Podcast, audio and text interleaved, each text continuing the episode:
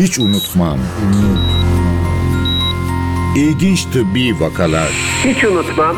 Telefonu her zaman korkuyla açarım. Bu ne yazık ki bizim işimizin doğası. Hiç unutmam. Yeni bir yol denemek zorundaydık. Ve denedik. Çaresizlikten.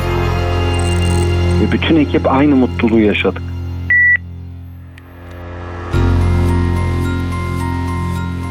Merhaba, ben Melike Şahin. Başımıza gelen her kötü olay ya da yaşadığımız her mucizevi an bizim için özel ve unutulmazdır. Hele ki sağlık söz konusu olduğunda. Ama bazı hikayeler var ki çok nadir rastlanıyor, sadece yaşayanın değil, tanık olan herkesin hayatında iz bırakıyor. Öyle ki her gün onlarca vaka gören doktorlar bile unutmuyor. Her hafta doktorların bile unutamadığı o hikayeleri sizlerle buluşturuyoruz. Hiç unutmam başlıyor.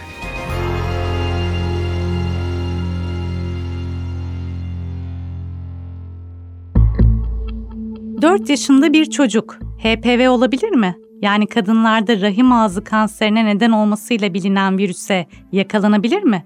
Olmuş, yakalanmış. Peki nasıl? Kadın hastalıkları ve doğum uzmanı Profesör Doktor Cem Baykal'ın 4 yaşındaki çocuk hastasının hikayesi bu. Hadi gelin nedeninin nasılını ondan dinleyelim. Cem Bey merhaba, programımıza hoş geldiniz. Merhaba, teşekkür ederim. Şimdi bir kadın hastalıkları ve doğum uzmanının çocuk hastası nasıl olur? Hasta ne zaman nasıl gelmişti size? Bu hasta esasında çocuk hastalıkları uzmanı arkadaşlar tarafından, hocalar tarafından yönlendirilmişti bana. İlk önce pediatriye gitmiş bir hastaydı. Ama onlar ilk önce işte bağışıklıkla ilgili bir sorunu mu var falan değerlendirdikten sonra HPV konusunda kadın doğumcular daha tecrübeli olduğu için bunlar arasında da ben HPV ile özellikle çalıştığım için ben aynı zamanda jinekolojik onkoloji uzmanıyım çünkü. Kadın kanserleri uzmanıyım. Bizden bir görüş istediler. Bu çocukla ilgili hem tanı olarak hem de tedavi olarak bizim sıkıntılarımız var diye. Normalde o yaş grubuna biz bakmayız ama hı hı. direkt kadın doğumu jinekolojik sebepleri ilgilendiren şeylerde bir tek bu çocuk değil yani birçok e, çocuk bize danışılır farklı konularda. Bu 4 yaşındaydı değil mi? Evet 4 yaşındaydı. Peki çocuğu muayene ettiniz. Bulgular ne düşündürdü size? Direkt olarak teşhisi koydunuz herhalde. Yani zaten anne de panik halinde getirmişti. Çünkü hani çocuk hastalıkları tarafından bir çözüm bulunamayıp bir de kadın doğum görsün, onlar daha tecrübeli denince hani ailede ne oluyor sorusu oluşmuş. Geldiğinde çok tatlı bir kız çocuğu koşuyor, oynuyor ama özellikle cinsel bölgesinde ve poposunda siilleri vardı. Hı hı. Bu siil dediğimiz şey biliyorsunuz kondilom dediğimiz HPV'ye bağlı HPV dediğimiz bir virüse bağlı oluşan lezyonlar halk arasında sil diye biliniyor. Böyle karnabahar gibi büyümüş, benden daha belirgin lezyonlar bunlar. Tabii ilk başta biz literatürü uygun düşünürseniz burada aklınıza gelecek ilk şey acaba doğarken anneden mi kaptı gibi olur genelde küçük bebeklerde. Çünkü hani biz ders anlatırken de kitaplarda da geçişin ikinci yolu olarak en çok cinsel yolla bulaşır. İkinci yol olarak da vertikal bulaşı dediğimiz anneden doğum kanalından kaparak oluşan hastalıklar vardır. Ki bu cinsel bölgede olabileceği gibi çocuğun ses tellerinde de olabilir. Laringeal papillomatoriz dediğimiz şeye de sebep olabilir. Biz aklımızda normal tanı yöntemleri içinde bunlar geçerken bunun son 6 ay içinde çıktığı, çocuğun 3,5 yaşına kadar hiçbir şey olmadığı, bu lezyonların sonradan çıkmış oldu. Bu sefer o teorimizi bozdu. Ne Nasıl olabilir böyle geldi? bir şey? Yani çocukluktan beri olmadı. Açıkçası biz hani özellikle küçük çocuklar, küçük kız çocukları konusunda daha duyarlı olmak zorunda olduğumuz için en kötüyü bile düşündük. Acaba bir istismar mı var? Çocuğun başına bir şey mi geldi diye. Çünkü hani kabullenilmiş en sık bulaşı yolu olarak biz cinselliği kabul ediyoruz. Tabii bunu aileye soramazsınız. Bunu aileye evet. direkt böyle söylediğinizde çok yanlış anlaşılabilir. Biz yan yollardan, değişik sorgulamalardan, sosyal hizmetler uzmanından destek alarak bunları sorguladık. Bunu aileye biz böyle zorla sorduğumuzda anne öyle bir ihtimali kendisini sıfır olarak gördüğünü, çocuğuna kendisinin baktığını, ev hanımı olduğunu, kreşe gitmediğini, sürekli kendisiyle beraber olduğunu, böyle bir şey olamayacağını ifade etti ama tabii yaşanmış şeylerden olan tecrübemizden biz yine de hani olayı bir nevi sosyal hizmet uzmanlarının da bilmesini, bir bilgilendirme yapılmasını istedik ve aileye duyurulmadan bunlar yapıldı. Böyle böyle bir çocuk var biz araştırıyoruz. Böyle bir şey ihtimali olursa da adli vaka yapacağız diye. Bir tür aslında dedektiflik gibi. Yani hastalığı bir yandan tedavi e, etmeye uğraşırken. konu çünkü. Peki Evet, çok hassas çünkü içinde cinsellik geçtiği için hele hele o yaşta bir küçük kız çocuğuna böyle bir ihtimal oldu mu demeniz aileyi çıldırtır haklı olarak evet. kime söyleseniz. Ama bu ihtimali hiç düşünmezseniz de bu ihtimalin olduğu vakalarda siz atlamış olursunuz. Çok büyük sorunlara yol açarsınız yani. Kesinlikle göz ardı edilmeyecek kadar önemli bir ihtimal. Peki nasıl bulaşmış? Nasıl öğrendiniz nedenini? Biz ilk başta iki tane sorun var. Bir tanesi bu sosyal tarafı, bu nasıl bulaşmış, kreşe gitmiyor, bir yere gitmiyor. İkincisi de tedavi edilmesi gerekiyor. Çocuk yani dokunduğunuzda, muayene ettiğinizde ağrıyacak kadar fazla gelişmiş sihirleri var cinsel bölgesinde. Çiş yapmasını falan zorlaştırıyor. Biz onlarla uğraşırken bir taraftan, bir taraftan da sürekli şeyi sorguluyoruz. Nasıl olabilir? İşte bir yere gittiniz mi? Kimse baktı mı bu çocuğa? Kimsenin çamaşırını giydirdiniz mi? Çünkü çok nadiren, anekdotal olarak cinsel yol dışında cinsel sıvının cinsel sıvıya değmesi iki kişi arasında. Ben, ben genelde hani hastalarıma da böyle örnek veririm. Mesela işte bir bikini giydiniz. Aa dur bakayım bende nasıl duracak dedi. Yurttaki oda arkadaşı aldı. Islaklığı kurumadan direkt kendisi giydi çıplak vücuduna. Çok nadir olacak şeyler ama belki mümkün olabilecek yollar. Biz bunları zorlarken bir yere varamadık. Aslında bir yerde tıkandık ve biz gittikçe şeye düşünmeye başladık. Burada bir istismar olması mümkün. Hı hı. Ama biz muayenemizi yaptığımızda çocukta o yönle ilgili hiçbir fiziki bulgu yok. Çocuk doktorlarından da yardım aldık, pediatri uzmanlarından. Onlar da dediler hiç o yönde bir bulgu yok. Yani hani bunu adli tıpa bile göndersek aynı sonucu alır Hı hı. buradan diye. Daha sonra biz tabii hani doktor olarak insanlara ya bu cinsellik yolunda başka bir şeyle kolay kolay bulaşmaz desek de uçuk, çok nadir görülebilecek ihtimalleri konuşurken anneyi sorguladım ben biraz. Hani Hı hı. ne yapıyorsun? Çocuklarla iletişimin nasıl? Ne bileyim sizin bir sihiriniz çıktı mı ilk önce falan. Anneyle ilgili tek bulabildiğimiz şey şu oldu. Anneden de simir alalım. Anneden de HPV tiplendirme gönderelim. Çocuktan da tiplendirme gönderelim diye. Çocuğun sihirlerinden örnek aldık.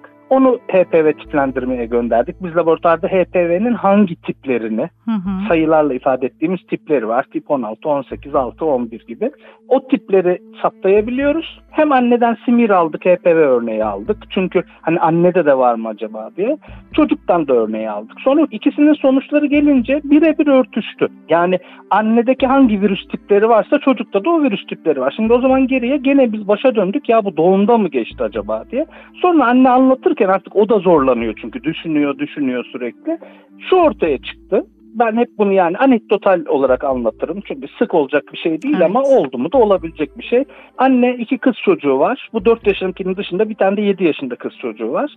Bu bizim küçüklüğümüzdeki gibi banyo yapılacağı zaman banyo günlerinde anne küvete oturuyor. Kendisi yıkanmadan çıplak Hı hı. olarak. Çocukları da alıp bacağının arasına sıkıştırıp yıkıyor. Hı hı. Özellikle küçüğü öyle yıkıyorum çünkü durmuyor hocam diye anlatan bir anneydi. Biz oradan dedik ki ya o zaman bu böyle bulaştı. İnanılmaz. Nitekim büyük ablasını da muayene edip ablasının da çok belli belirsiz sihirleri olduğunu anlayınca ha bu ortaya çıktı ki ve biz çok rahatladık ki diğer bir ihtimal olmadığı Evet. kalmadığı için anneden çocuğa yıkarken cinsel bölgesine oturtup poposu çocuğun anneye değdiği için ve uzun süre orada sıkıştırmış olarak yıkadığı, temas ettiği için aslında bu bir nevi cinsel temas gibi oluyor. Cinsel bölge sıvısı cinsel bölge sıvısına bulaşmış oluyor çünkü ve biraz da bağışıklığı o arada düşükse çocuğun dediğim gibi kaptıktan 6 ay sonra her tarafını sihir kaplamıştı.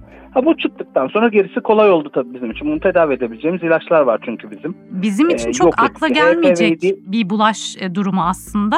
Sizin için de öyle Nadir, oldu mu? Daha evet. önce hiç duymuş muydunuz? Hayır benim ilk hastamdı böyle. Hı hı. Onun için ben şimdi yani genelde biz açıkçası HPV'nin bulaşısına erişkinlerde bazen evlilikleri kurtarmak için ya havludan tuvaletten Hı hı. bulaşmıştır falan diye yalan söyleriz ama çünkü hani bizim derdimiz aile yıkılsın değil. Hı hı. Ama bu şekilde bulaşması çok çok nadir olduğu için bunu örnek olarak ben anlatırım bazen hastalara. Çünkü e, mesela ergenlerden, genç erişkinlerden gelip "Ya benim hiç cinsel ilişkim olmadı ben bunu nasıl kapmış olabilirim ama biraz sorgularsınız ya cinsel ilişkim olmadı ama bir temasım oldu gibi cevaplar alırsınız. Onlara da örnek olarak bunu hep anlatırım. Bakın annesinden çocuğa bile böyle birebir cinsel bölge cinsel bölge teması varsa geçebilir bu diye. Ama dediğim gibi çok nadir bir geçiş yolu bu. Tedavi ettiniz mi? İyileştiler mi? Evet tedavi oldu bir yıl sonra falan hiçbir şeyi kalmamıştı. Peki şimdi aslında annesi çocuğu için gösterdiği farkındalık sayesinde belki de ileride kanser olmasının da önüne geçti değil mi bu yolla? Anne eğer çocukta bu sihirler çıkmasaydı zaten kendisi de öyle ifade ediyordu. En son doğumda görmüştüm kadın doğumcuyu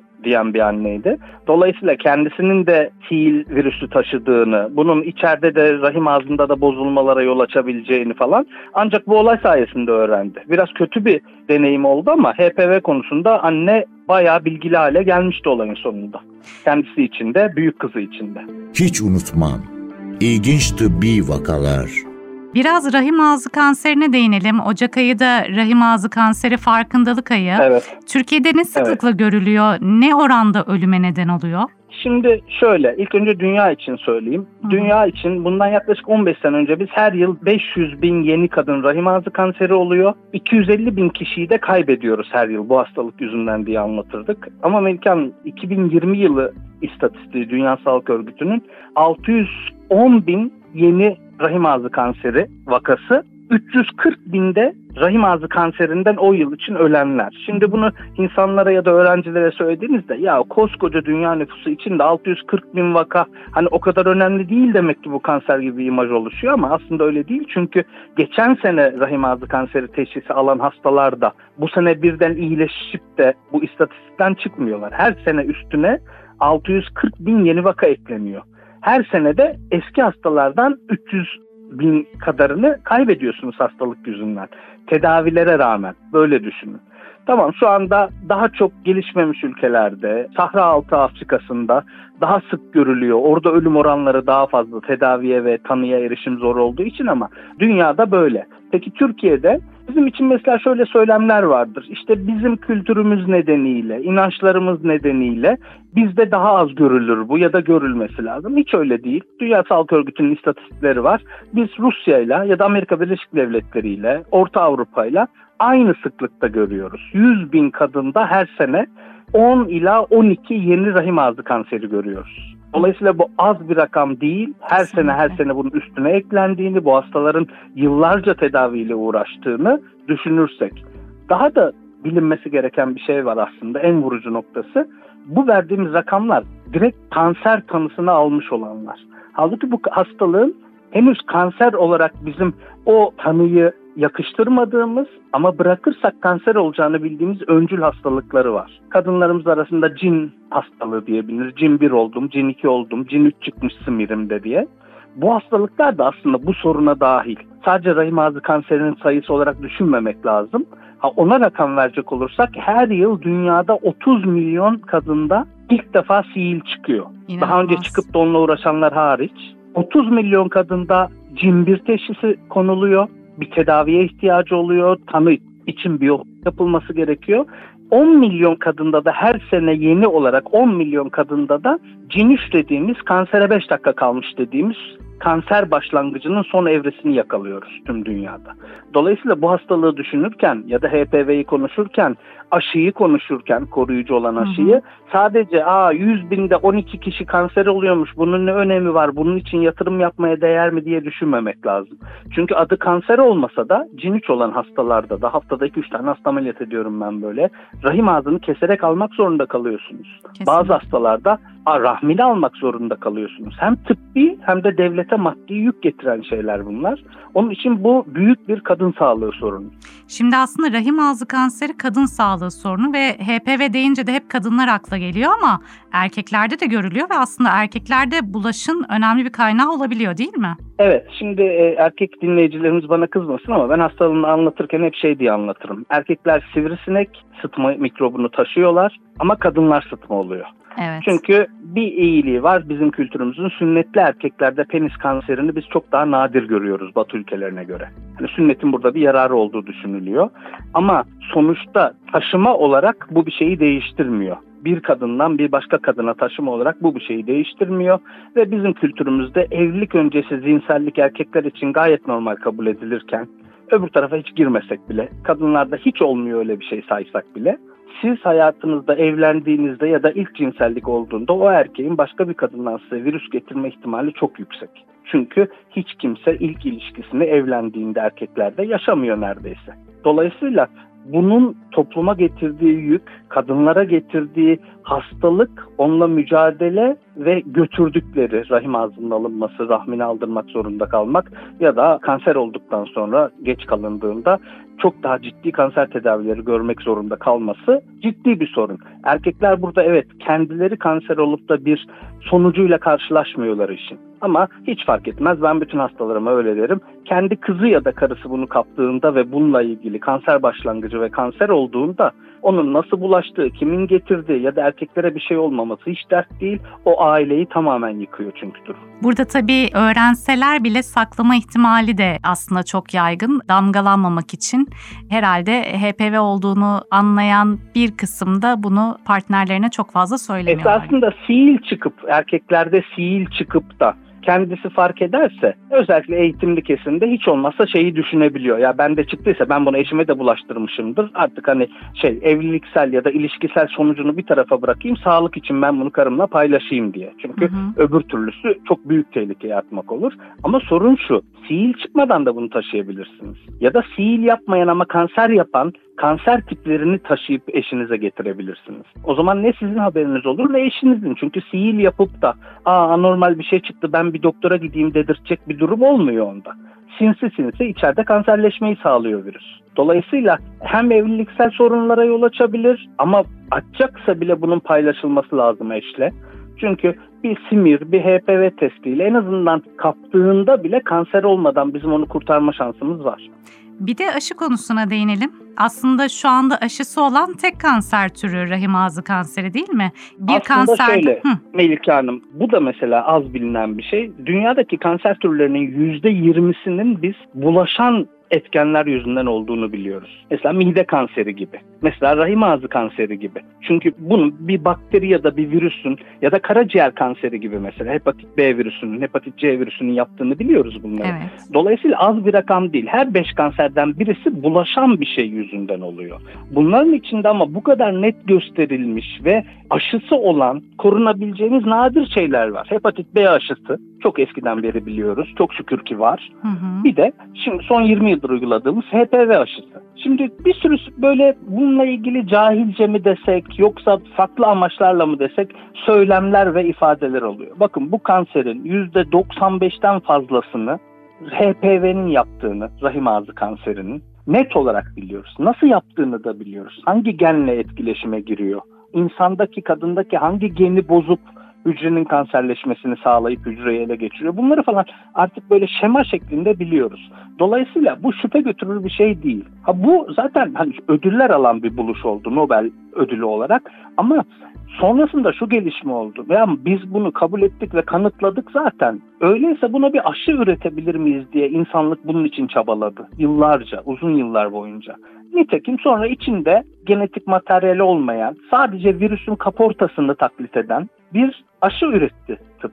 Şu anda kullandığımız aşı. Ve bu sayede içinde herhangi bir DNA yok, RNA yok, üremesi mümkün olmayan boş kaporta parçalarını vücuda verdiğiniz zaman o vücut onu virüs olarak tanımlıyor ve ona karşı savunma güçlerini geliştirip deposunda tutuyor.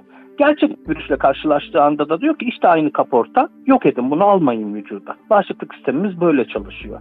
HPV aşısı ikinci jenerasyonuna geçti. Bundan 20 yıl önce çıktığında içinde sadece 4 tipe karşı koruma vardı. O zamanki ilk baştaki her aşıya karşı çıkan şikayetleri ya da fazla duyarlılıkları anlayışla karşılarım. İşte gerçekten yarayacak mı bakalım, yan etkisi olacak mı bakalım.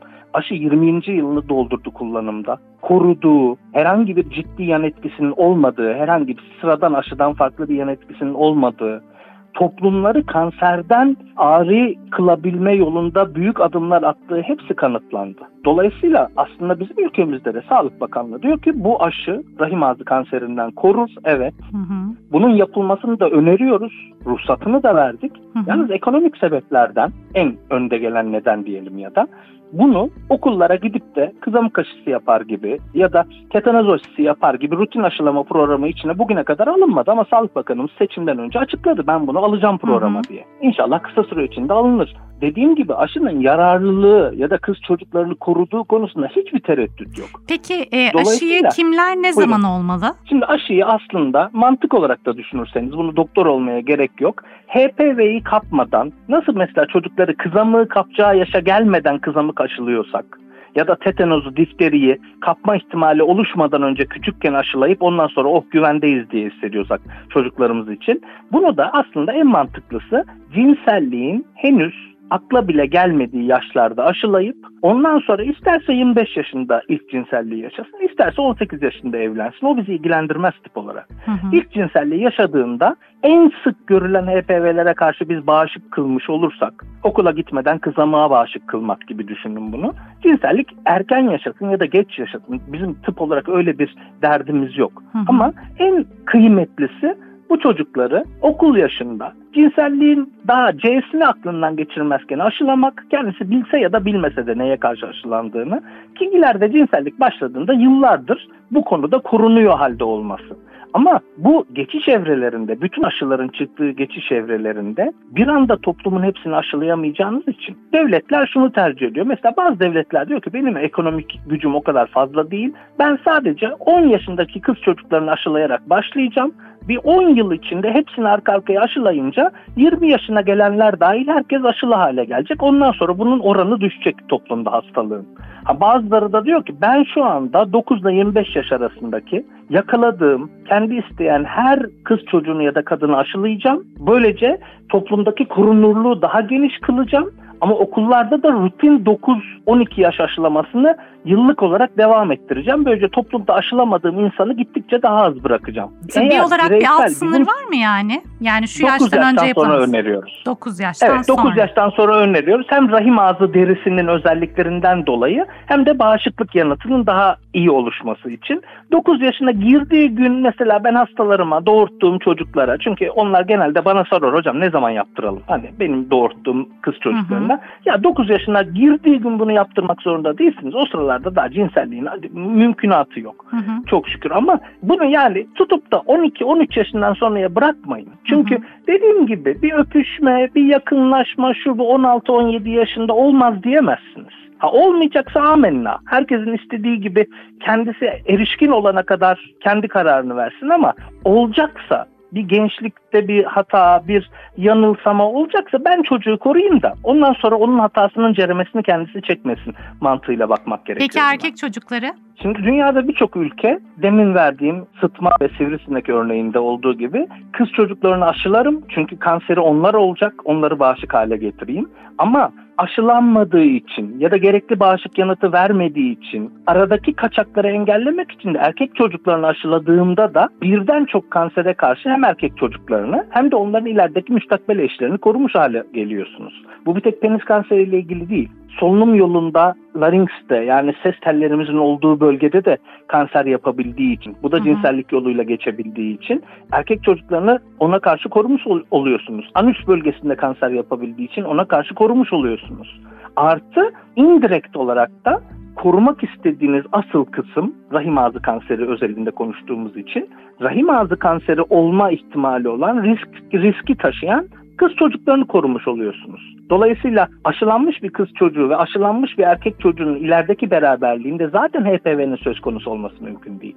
Dolayısıyla o çiftte rahim ağzı kanserini ve daha az gözüken HPV'ye bağlı kanserleri eradike etmiş oluyorsunuz o çiftten. Hayat boyu kanser olma ihtimali kalmıyor. Peki ilk gençlik yıllarında aşı olmayanlar 30'lu 40'lı yaşlarda olmak isterlerse işe yarar mı? Zaten 9 ile 26 yaş arasındaki aşılamayı biz sorgusuz sualsiz doktor önerisine gerek olmaksızın aşılanması gereken yaş grupları olarak lanse ediyoruz. Ama 26 yaşından sonra ya da özel hayatındaki değişimler nedeniyle bizim o yaştan sonra aşıladığımız yüzlerce binlerce Hı hı. hasta var.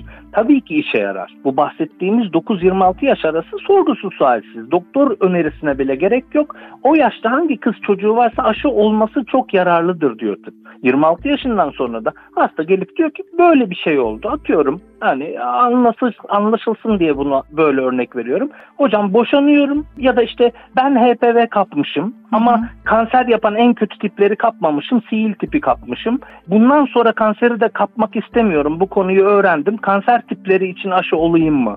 Bunlar bizim karşılaştığımız sorular. Ya da işte boşanıyorum, daha çok gencim, hayatımda yeni birisi olursa ileride benim şimdi aşılanmam lazım mı? Genelde biz ona şöyle cevap veririz. Hayatınızda olacak ikinci eşinizin cinsellik hiç yaşamamış olma ihtimali varsa olmayın. Doğru. Paranıza yazık. Çünkü Türkiye'de devlet ödemiyor. Ama bu ihtimali kimse inanmamalı bence. Çünkü partner ben öyleyim dese bile inanmamak lazım belli bir yaştan sonra. Ha, o zaman aşılanın siz kendinizi güvenceye alın diyoruz. Belki bin kişiye böyle söylüyoruz. Birisini boşa aşılatmış oluyoruz. Gerçekten bakir bir eş bulacaksa kendine. Şimdi HPV aşısı ile ilgili çok merak edilen soru var. Çok duyduğum bir soru da dokuzlu aşı ile ilgili. Şimdi bilmeyen dinleyicilerimiz Evet. için daha önce Türkiye'de dörtlü yani dört HPV türüne Evet. karşı bir Tüm aşı dünyada vardı. E, şimdi son yakın zamanda dokuzlu aşı artık mevcut. Evet. Peki daha önce dörtlü aşıyı olanlar yeniden bu dokuzlu aşıyı olmalı mı? Hayır, hayır. Bununla ilgili de çok fazla yanıltıcı söylem ve yayın var. Ama daha önce dörtlü aşıyı olmuş. Hele hele özellikle cinsellik başlamadan önce dörtlü aşıyı olması gerektiği gibi olmuş erişkinler ve ergenlerde artık çünkü büyümüş oluyorlar dörtlü Hı hı. aşıyı zamanında olduysa. Onlar da tekrar dokuzlu aşıyı önermiyoruz. Çünkü şu anda en korktuğumuz üç tipin ikisi dörtlü aşı tarafından zaten korunuyor. Hı hı. Geriye bir tane kalıyor. Bir tane tip içinde, tip 45 dediğimiz HPV tipi içinde 9'lu aşı yaptırmalarını önermiyoruz. Dolayısıyla o tamamen yanlış anlaşılma diyelim, pazarlama diyelim ama o konuda hastalara evet 9'lu da çıkmış hadi şimdi de 9'luyu olun dememek lazım. Sayın Cem Baykal çok teşekkür ederiz. Hem dikkat çekici hasta öykünüz hem de verdiğiniz değerli bilgiler için. Ben teşekkür ederim. Kolaylıklar diliyorum. Kadın hastalıkları ve doğum uzmanının bir çocuk hastası hem de HPV nedeniyle. Akla gelmeyecek bir hikaye dinledik bu hafta. 4 yaşında annesinden HPV bulaşan bir çocuğun hikayesini. Annesinin onun için gösterdiği farkındalık kendisinin de gelecekte kanser olma ihtimalinin önüne geçmiş oldu aslında. Ocak ayı rahim ağzı kanseri farkındalık ayı. Bu vesileyle hatırlatalım. Kadınlar rutin kontrollerini ihmal etmemeli. Bir de aşısı olan bir kansere karşı neden önlemimizi almayalım ki? Değil mi? Ben Melike Şahin, prodüksiyondaysa Ersin Şişman vardı.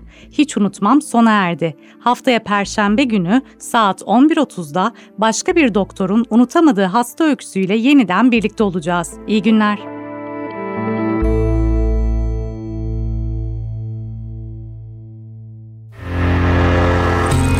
Hiç unutmam. İlginç tıbbi vakalar